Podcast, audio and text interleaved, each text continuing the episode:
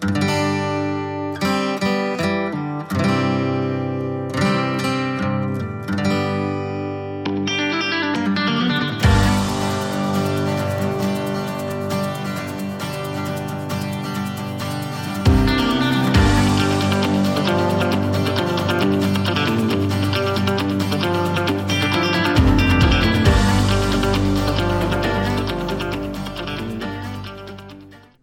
Välkomna till andra delen av vårt avsnitt om översvämningar. Välkomna. I första delen pratar vi om vad det är. Ja, vad det finns för olika sorter eller typer. Mm, och lite om trender. Ja, orsaker. Så i det här avsnittet så går vi vidare från det och eh, går in på hur det drabbar samhällen. Ja. Och landskap. Ja. Och effekterna av översvämningar är ju ganska många.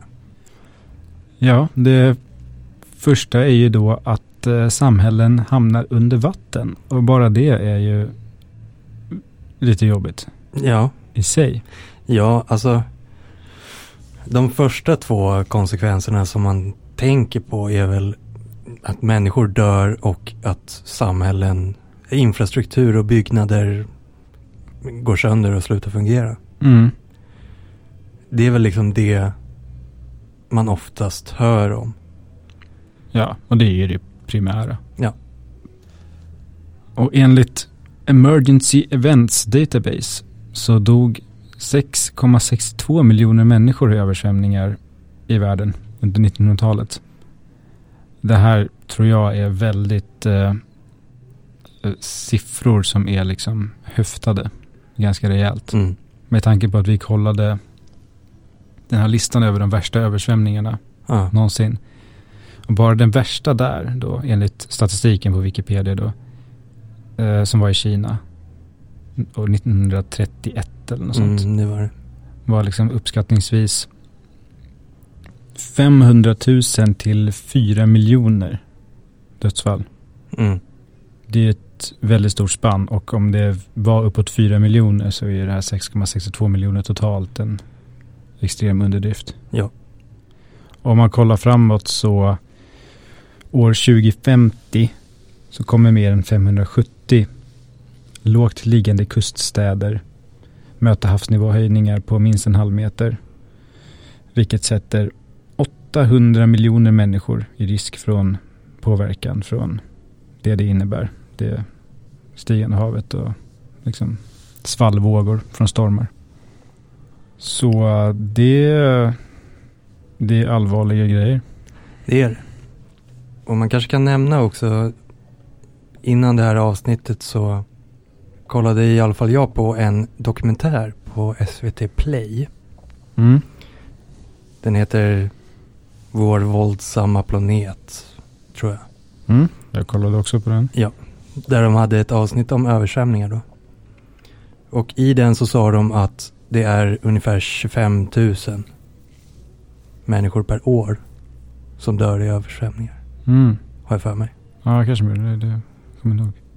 Så, och jag menar visst, det är väl säkert väldigt svåra siffror att beräkna och så här, men oavsett så är det väldigt många. Ja, det är den mest dödliga typ naturkatastrof typen. Ja.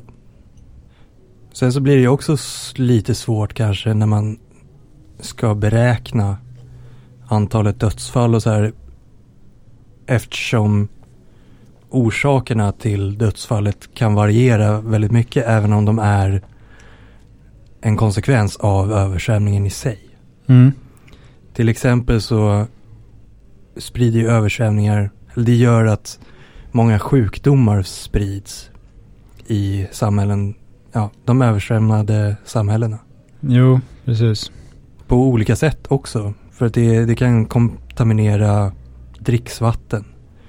Vissa sjukdomar sprids genom vatten i sig som kolera och tyfus. Ja, det är ju sällan det är liksom klart eh, fint vatten som utgör de här översvämningarna. Så är det ju. Utan det är ju liksom avloppsvatten som sköljs med, det är säkert olja och sådär, Mm. bensin och grejer. Det mesta sköljs med. Ja. Så jag menar, det är ju också liksom dödsfall som sker på grund av översvämningen. Men om man räknar bara de som dör liksom som drunkningsolyckor så försvinner ju den delen av statistiken. Så det beror på lite. Jag vet inte exakt hur de har räknat Nej. och så. Nej, det är ju svårt att, att definiera några tydliga gränser liksom. Ja. Men ja, det finns ju en, en rad av då, om vi ska kalla det för sekundära effekter. Man har liksom drunkning och direkt skada på byggnader och sådär. Mm. Är de primära effekterna. Så är kanske så sjukdomsfall och sådär. Mer sekundära. Jo, exakt. Och eh, sånt som att eh, vissa skadedjur eller bara farliga djur sveps med. Eller kanske blir av med sina habitat för att de är översvämmade och tar sig in i samhällen. Mm. Eh, det finns ju fall av eh, där ormar har spolats in i städer Mm. i ganska stora mängder. Bland annat då eh, en eh, nyhet från DN nu i augusti att eh, monsunregn och översvämningar har lett till en invasion av ormar i Bombay. Mm, var det nu i augusti till och med? Ja. Ja. Ja, för jag hörde om det för flera år sedan också. Så att det verkar ju hända ibland. ja, precis. Ja, och då måste man liksom, då kanske vattnet rinner undan och man överlevde det så går man ut så måste man passa sig för ormar också. Mm. Som att inte vattnet var nog liksom. Jag verkligen överlevde översvämningen så jag finns inte i statistiken Nej. över liksom dödsfall och sådär men sen kanske jag blir biten av en orm. Som också, det blir ju också liksom en, ja, men en sekundär konsekvens. Mm. Mer eller mindre då. Att eh, olyckan kommer inte själv liksom. Nej, det gör inte det. Mygg kan ju komma också. Mm. De gillar ju när det är fuktigt. Ja, och eh, vi nämnde ju denguefeber bland annat i avsnittet om El Niño. Och också då eh, till följd av ökad nederbörd och översvämningar. Att myggans, den myggan som sprider denguefeber, dens habitat expanderar Mm. och kommer närmare människan. Och på så sätt så sprids liksom den sjukdomen mer än den kanske annars hade gjort. Jo, precis. Borde gälla malaria också. Det bör gälla mar- malaria också. Mm, för mig hade uppe det när vi pratade El Niño i alla fall. Ja. Och det är samma mekanism som det handlar om egentligen. Ja. Mer fukt och vatten. Mm. Okej, om det är liksom om uppstädningsarbetet inte sker på rätt sätt så kan det ju bidra, alltså vattnet kan bidra till att det bildas mögel i Mm. bostäder. Vilket också kan vara en hälsofara. Jo, precis. Ja, det kommer ju in på skador på byggnader, men visst inte den här direkta, så att säga, mekaniska skadan av att vattnet slår mot Nej, byggnader, utan det kan uppstå på taket, sikt. taket försvinner. Det är liksom en av de huvudsakliga Mm. Men att källan blir full av mögel och så, det ja, om man upptäcker det flera år senare så kanske man inte ens tänker på att det var en konsekvens av översvämningen. Vilket gör att det inte hamnar i statistiken. nej, samma sätt. Nej, absolut. Så det, det är ganska mycket, ganska brett. Ja, specifikt för översvämningar i kuster också är saltvatteninträngning. Mm. Som är i och för sig då en typ av kontaminering av dricksvatten. Ja. Eh, Eller det kan väl även vara jordbruk. Ja. Alltså salt. eh, Att det gör mark obrukbar. Ja, precis. Höga salthalter är inte bra för, för jordbruksmark. Men eh, även då för ja, brunnar. Jag tänker det kan väl vara både i, på stor skala men eh, kanske ännu mer oskyddade liksom eh, enskilda så här, dricksvatten eh, tillgångar. Mm. kan ju vara helt hopplösa att skydda. Ja. Jag vet att det problemet finns i, i Oceanien i alla fall. Ganska utbrett. Ja, Där det är så lå, låga, um, så lågt land. och kontrollerna, ja, det kanske är svårt att kontrollera allting också. Mm. Men även eh, Mälaren kan man nämna där. Det var ju någon föreläsning vi hade någon gång Mm. där det var uppe. Just det här. Kommer Mälaren kunna fortsätta vara en sötvattensjö Mm. i framtiden? Mm, det är ju intressant. Eller kommer den få bli en havsvik? Och i så fall så kan den inte vara dricksvattentäckt längre. Nej. Jag kollar lite på det där, det verkar inte jättenära. Nej, alltså där kan man ju gå, gå ut till Östersjön också. Alltså salthalten i Östersjön har ju varierat väldigt mycket över geologiska tidsperioder. Mm. Att det, det som nu, nu heter det Östersjön och det är bräckt vatten. Men tidigare har det ju varit hav och en mycket högre salthalt. Ja, okej. Och, och det var ju länge sedan. Men eh, det är klart att sådana risker finns ju. De kanske inte är jättehöga. Nej, jag vet faktiskt inte exakt vad, vilken eh, höjning som krävs för att det ska, det ska bli ålbart Nej. med Mälaren. Men eh, det, det finns en diskussion kring det i alla fall. Sen är det vid det laget, ja, så här har jag fattat det, vid det laget som det kan bli en grej, då är det redan så mycket annat som är, då betyder det att höjningen är så hög så att då, det finns värre problem då. Då är det redan kört. att ta hand om. Ja, ungefär så är min uppfattning av det. Men eh, sen så, du var inne lite på det att eh, översvämningar kan ju också påverka matförsörjning. Mm. Och det är ju också en sån risk eller en sån konsekvens som kan liksom påverka mycket senare. Om skörder slår fel ett år så kan det betyda att det kommer finnas bristvaror året efter. Ja, det är väl det exempel. typiska då. Och det är också, om det leder till svält och människor dör, då är det också en konsekvens, alltså dödsfall som är relaterade till översvämningen. På lite längre sikt. Ja, så att eh, eh, konsekvenserna av översvämningar är ju troligen större än vad statistiken visar. Ja. Eller värre, ska jag säga. Så, och det blir ju svårt att veta när man inte vet vad det är som har mätts i statistiken exakt heller. Ja, precis. Om det bara är direkta dödsfall.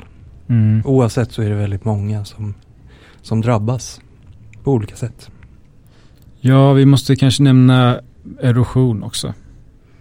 Ja, Som en, ja vad ska vi kalla den? För det är ju en, en sån här mekanism som, som gör också att den här relationen mellan höjd havsnivå och översvämningsrisk inte går att se på det sättet. mm, För att det finns en erosion som verkar och den kan liksom grävas inåt mer än vad den faktiska höjningen ja, gör.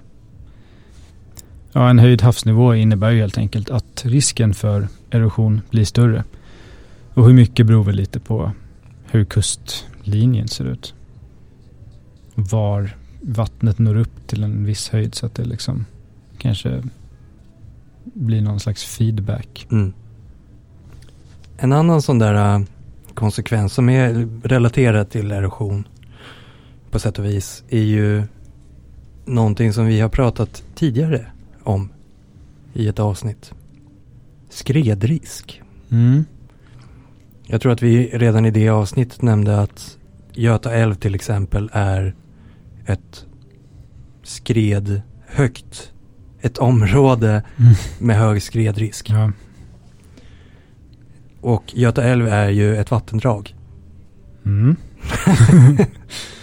Så, och, och just den marken som finns där, den här uh, kvickleran, är ju en sån som påverkas väldigt mycket om, om den blir vattenmättad. Mättad. Ja, just det. Exakt. Ja, det var vi inne på där. För att, eh, ja, det finns ju video på det. Hur den reagerar Ja, på vattentillförsel. precis. Att den bara blir en sås. Typ. Mer eller mindre. mm. Så eh, där har vi ju ett, ett ganska tydligt exempel på hur översvämningar kan påverka alltså landet och marken i sig. Vilket i sin tur kan bidra till, eller i sin tur kan liksom leda till risker för människan. Ja, verkligen. Det är ofta st- eh, stora regnmängder som triggar de här skreden. Ja. Och det kan ju, som vi vet, driva iväg hela byggnader. Som de här grejerna som hänt i Norge liksom. Mm. Ja, det var ju ganska nyligen ja. Mm.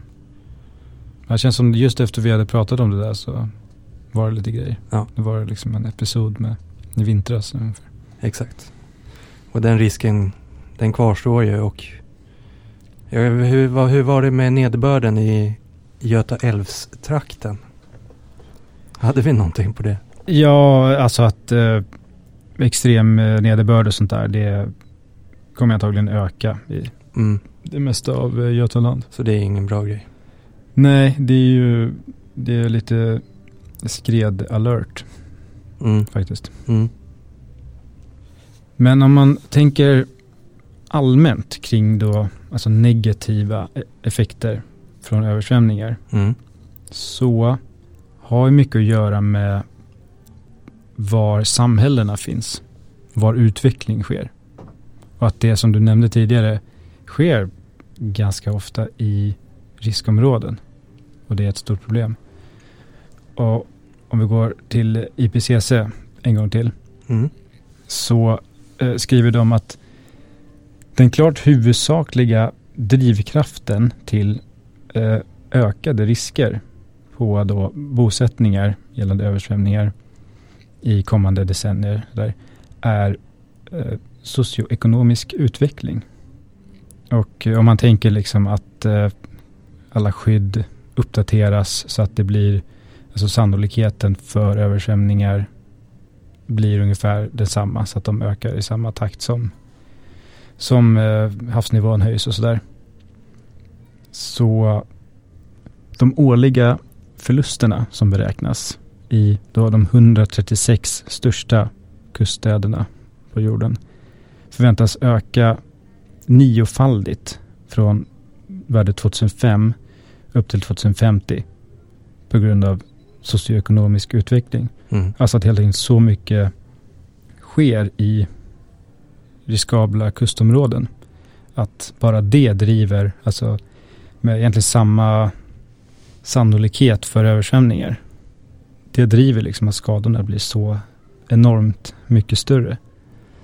Och en sak som jag tänker illustrera det lite grann är situationen på vissa av de här korallöarna i Oceanien. Som vi pratade ju lite om dem när vi gjorde vårt Oceanien-avsnitt. Mm. Att eh, de här är byggda med sediment. Det här är inte liksom någon del av någon, några gamla kontinentala landmassor. Utan de här är byggda på sediment från korallrev som dör och avger sediment som spolas upp till liksom ringformade öar. Ja. Och eh, det finns forskning då som har visat att många av de här öarna faktiskt eh, växer en aning. I, även om havsytenivån höjs. Mhm. Det finns en nyzeeländsk geomorfologist som heter Paul Kench. Som har lett forskning där 600 korallö, korallöar har undersökts och eh, sett att det är egentligen bara 20 procent av de här som har minskat i storlek. De, jag tror de senaste 100 åren ungefär. Okej. Medan ungefär 40 procent har ökat och 40 procent har stannat ungefär eh, i samma storlek. Eh, så det här kan ju ge ett visst hopp för de här nationerna. För att annars är det ju många som liksom, om man bara tänker rakt, ett rakt förhållande liksom med havshöjningen och höjden över havet på öarna. Mm. Så försvinner typ allt. Ja, det är, det är ingen bra situation. Nej, det är hela nationer som läggs under vatten och det, det, det är ett jättestort problem och de, där finns ju den här saltvatteninträngningen som förstör Mm. jättemycket och sådär. Så där kan man ju tänka, det ger ju en viss eh, chans för att det ändå ska finnas land kvar. Men problemet är ju att det eroderas kanske på ett ställe och byggs på någon annanstans. Mm. Och alla konstruktioner som finns, de är ju låsta i höjd. Ja, Det går inte att skyffla in sanden under dem så att de höjs. Eller det kanske går men det är ju ja inte lätt. nej, Ja. det. Så att, och där blir det ju det att det är ju när saker har utvecklats av människan som problemet uppstår. Mm. Och eh, Maldivernas huvudstad, Malé, kan ta som ett exempel. Det är en korallö Mm. Som är väldigt urban. Och där är det ju, blir det jätteproblem. Och det kan liksom beskrivas som att den här utvecklingen mellan korallreven som då dör, avger sediment som bygger upp öarna. Det bryts när allt blir urbana miljöer istället. Den kopplingen liksom. Ja, för det är ju ändå relativt nya och levande landmassor. Den typen av ö. De utvecklas fortfarande. Ja, de liksom byggs på aktivt för att landet kommer från sedimentavlagringar, Mm. inte från liksom eh, aktivitet i jordens inre som väller upp, som Nej. går extremt, extremt långsamt, utan det här är ändå en, ett mer levande system.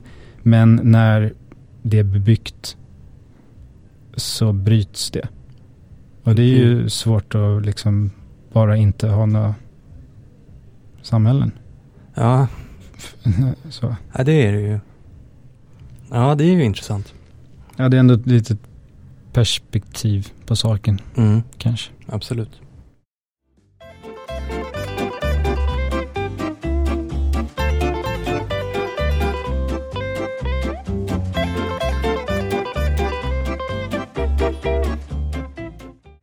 Men ska vi gå vidare till eh, lite mer positiva effekter? Mm, det kan vi ju göra. Det finns ändå. Ja.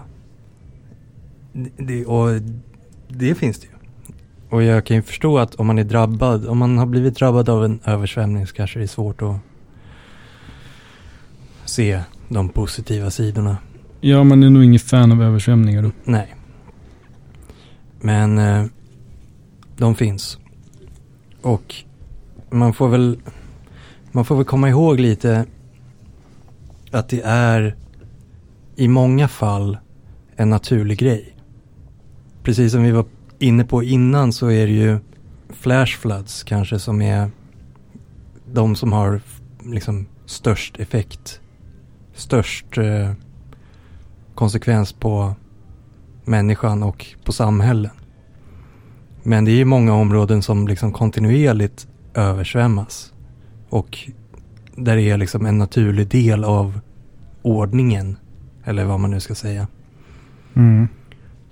Till exempel så bidrar ju översvämningar till att eh, odlingslandskap blir liksom mer fertila och att det är bättre att odla på den typen av sediment. Mm. Ja, om det nu inte är saltvatten då. Ska vi Ja, absolut. kanske säga. Det är väl sant i och för sig. Men floder. Ja. Typ. Och eh, det sker väl ändå ett typ av det jag tänker i alla fall är att det sker något form av sedimentskifte också i de områdena där det sker en översvämning.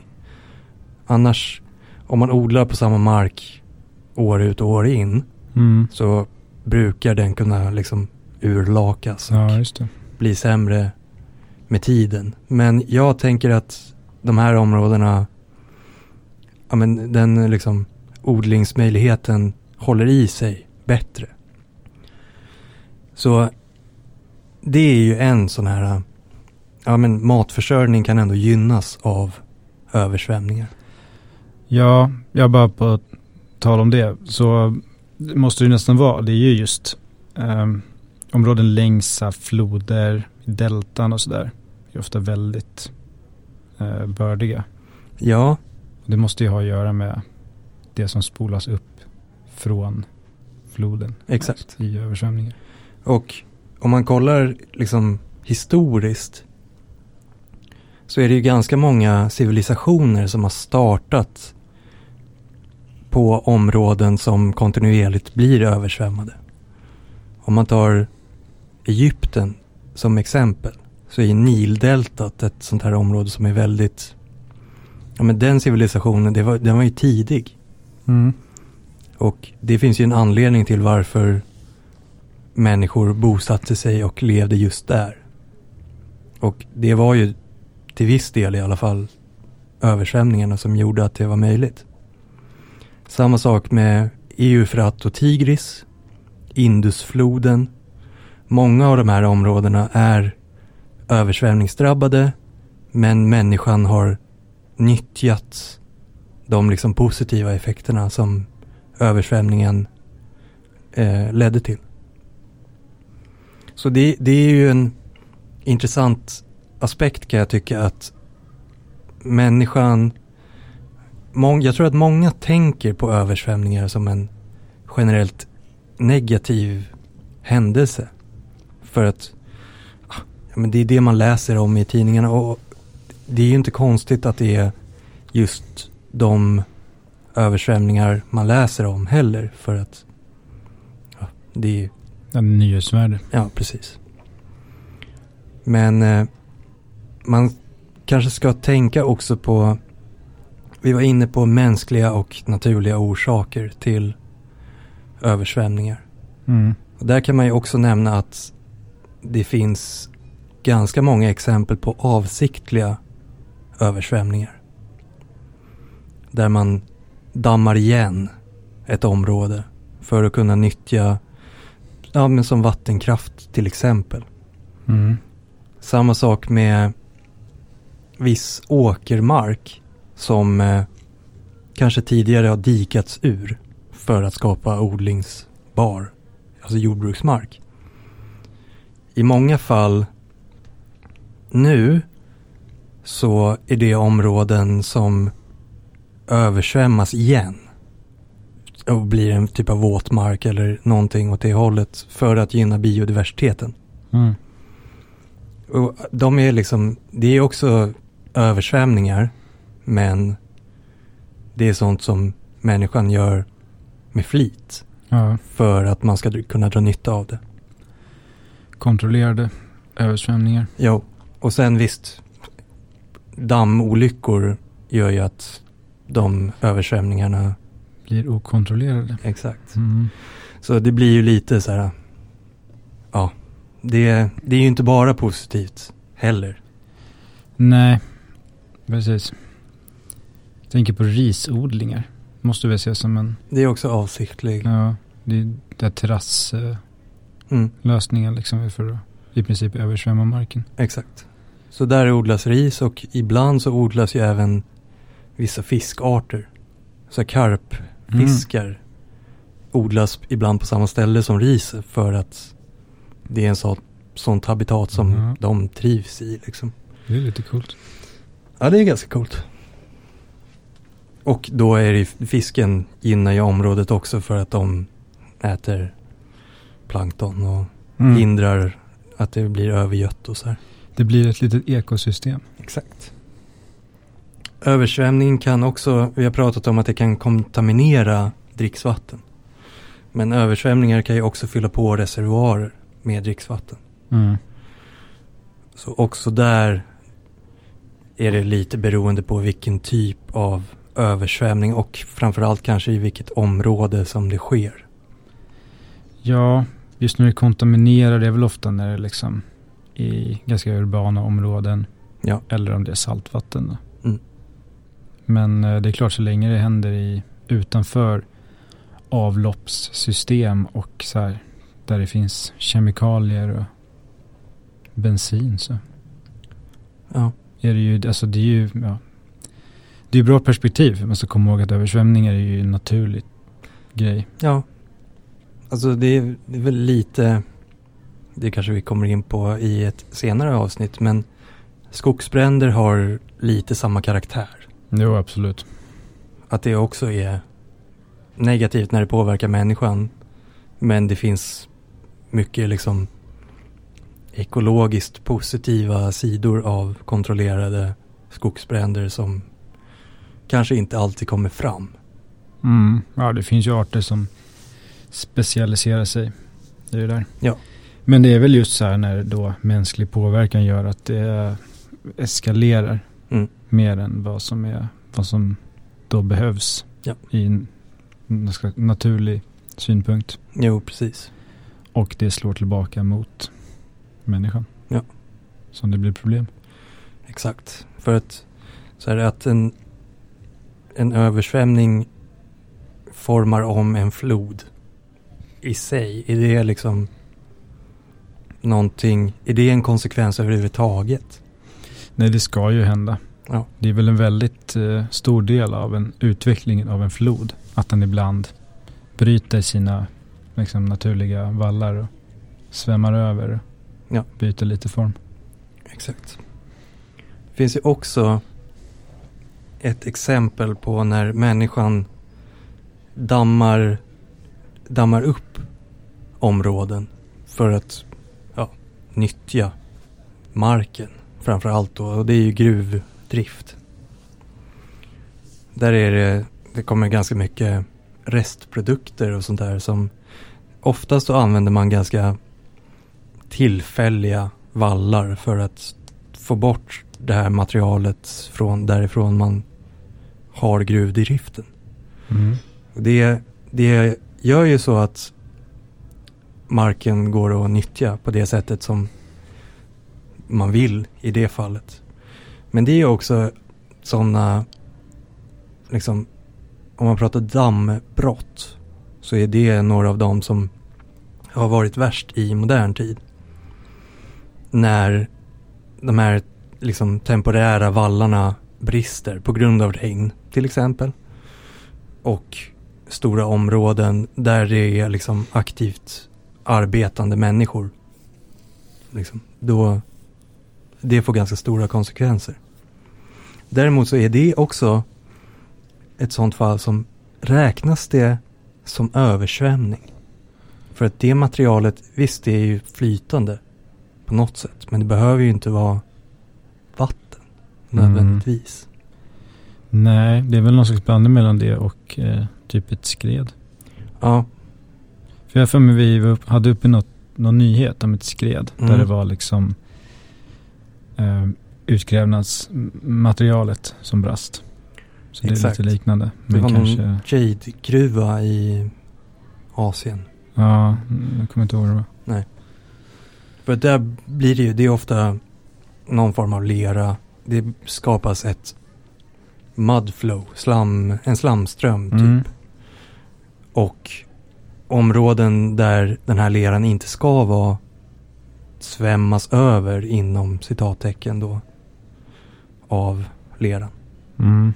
Men jag tror, jag vet inte, jag tror inte att det faller under liksom översvämningsdefinitionen. Däremot så är det en, en, ett exempel på ett dammbrott Mm. som vi också har pratat om tidigare då. På tal om eh, dammar och dammbrott så har vi också några historiska exempel på hur översvämningar har påverkat landskapet. Mm. Som kan ses som gigantiska dammbrott. Ja, det Fast- blir ju. Det, det är ju en naturlig damm liksom. Men Ja. Det här är då händelser som inträffade ja, någonstans där inlandsisen var på väg tillbaka mm. under senaste istiden. Ja, det finns ju vissa landskap som, alltså om man tar ett exempel då. The Scablands i USA är det va? Mm, I Washington i Exakt. USA. Det är ett sånt område som, eh, det, alltså det finns inte jättemycket vatten i det området. Nej, det är ju helt torrt. Mm. Men om man ser till landformer och sånt där. Så är det ett, egentligen, det känns som ett ganska så här uppenbart fluvialt landskap. Alltså att det har formats av strömmande vatten. Mm. Vilket känns konstigt för att det finns inte så pass stora floder där. Ja, och det har ju varit en gåta Mm. för forskarna och även en debatt Ja, en, en, en av de största kontroverserna i Earth Science har det kallats. Mm. Vi antar att det var heta känslor Mm. kring det här. Ja, Men eh, ja, det landskapet i alla fall. Man kan se så här eh, torra vattenfall. mm. Alltså sånt som, det, det ser ut som vattenfall fast tar bort vattnet. Mm. Och eh, det finns ju då Scabland som du sa. Men så finns det i alla fall ett stort område i, på Island. Som är liksom har samma karaktäristik. Mm. Och det där är ju ganska förbryllande. Liksom, varför ser det ut så där? Och det finns inget vatten. Och då har vi ju då inlandsisen som barriär, eller damm. Som har stoppat upp flödet, eller egentligen inte flödet, de har egentligen agerat som barriär för stora glacialsjöar Mm. som har uppkommit då inlandsisen retirerade och smälte. Ja, precis. Det har liksom på vissa ställen helt enkelt bildats eh, försänkningar. Väldigt stora försänkningar. Att det är sjöar som är, ja, jag vet inte om de är liksom större än de sjöarna vi har nu, men i alla fall stora sjöar. Mm. Som då under smältningen ganska plötsligt har eh, brustit. Och tömts. Mm. Och eh, man kan ju tänka sig att när en väldigt stor vattenmassa väl börjar tömmas så eroderar den väldigt mycket. Och liksom den här öppningen som skapas byggs väl bara på, eller den förstoras bara liksom så att det töms Ja. i princip. Och i alla fall i The Scablands så var det, alltså det var ju en typ av störtflod. Fast det verkar som att det har varit ganska många. Jag har läst att det, det var liksom pågående översvämningar mellan, från då 18 000 år sedan till 13 000 år sedan. Mm. Så det var liksom det skedde i flera steg. Ja, okej. Så sjön tömdes liksom inte i ett svep utan det var, det var många vattenmassor vid olika tillfällen som Ja. forsade. Ja. Men det var väldigt stora vattenmassor alla gånger. Mm. Och det är väldigt snabba förlopp också. Mm. Så att det är liksom dagar, veckor i alla fall. Mm. Förändrar ett helt landskap i ganska stor yta. Ja. Och det här liknar ju ingenting som vi ser idag. Nej. Och frågan blir ju då om den här typen av händelser kan hända igen. Hända nu. Mm. Alltså, för dammbrott kan vara katastrofala och översvämningar kan ha mycket konsekvenser. Men den här typen av översvämning har, om människan hade funnits där då, då, då hade det varit väldigt mycket värre än de översvämningar vi ser idag, förmodligen. Ja, det hade nog inte funnits så mycket kvar av bosättningar och sånt i det området som drabbades. Nej. Med tanke på att berggrund äh, sköljdes bort. Ja. Ganska stora mängder. Ja. Och om man jämför då med ett potentiellt dammbrott idag. Så kan man säga att världens eh, största vattenreservoar då eh, Det heter Kariba i ja, Zambia, eller mellan Zambia och Zimbabwe. Och den är en volym på drygt 180 kvadratkilometer. Medan den här Missola sjön, som den hette, som var grund till Scablands, hade en volym på 2100 kubikkilometer. Så det är ju över tio gånger så stort. Ja, och om ni vill då så kan ni googla på Karibadammen. För att det är inte en liten damm. Alltså. Den är rejäl. Mm. Vi har ju också ett exempel då som är lite närmare oss. Som är, verkar ändå varit snarlikt. Mm. Det, det som då skilde England, eller Storbritannien och Irland från det kontinentala Europa. Ja, exakt. Det satt ju ihop en gång i tiden. Mm, Och det fanns något land som kallades för Doggerland. ja. Men eh, sen var det just en sån där uh, proglacial sjö Mm, som hade byggts upp. Och som vid något tillfälle brast och forsade upp ett helt sund. ja. Som gjorde att haven sattes ihop. Och än idag kan man se att klipporna ser liknande ut på båda sidor av eh, sundet. Mm. The Cliffs of Dover. Det är kalken som Ja, just det. visar att det har bundits samman. Mm. Och det var väl en sån här grej som eh, de började undra över. Varför ser det likadant ut på engelska sidan och franska sidan? Mm. Det ett mysterium. Ja, alltså om de hade varit helt avskilda från varandra så hade de ju också kunnat se helt olika varandra ut. Jo, precis. Lite samma sak som att eh, Afrika och Sydamerika passar ihop. Mm. Ledtråd sådär. Mm. Pusslet. Mm. Pusslet byggs ihop. Sånt som geologer leker med. Mm. Ja, det var väl det i del två. Ja, det var våra konsekvenser. Ja, har vi gått igenom ganska mycket negativa konsekvenser men lite andra konsekvenser också. Ja.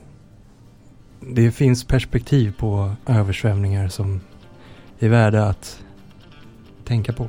Ja, det gör det ju. Så då har vi en tredje del kvar. Mm. Lite hur man hanterar översvämningar och vad man kan göra i förväg för att undvika de konsekvenser vi har pratat om nu. Mm.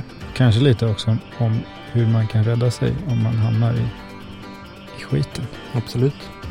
Så fortsätt lyssna.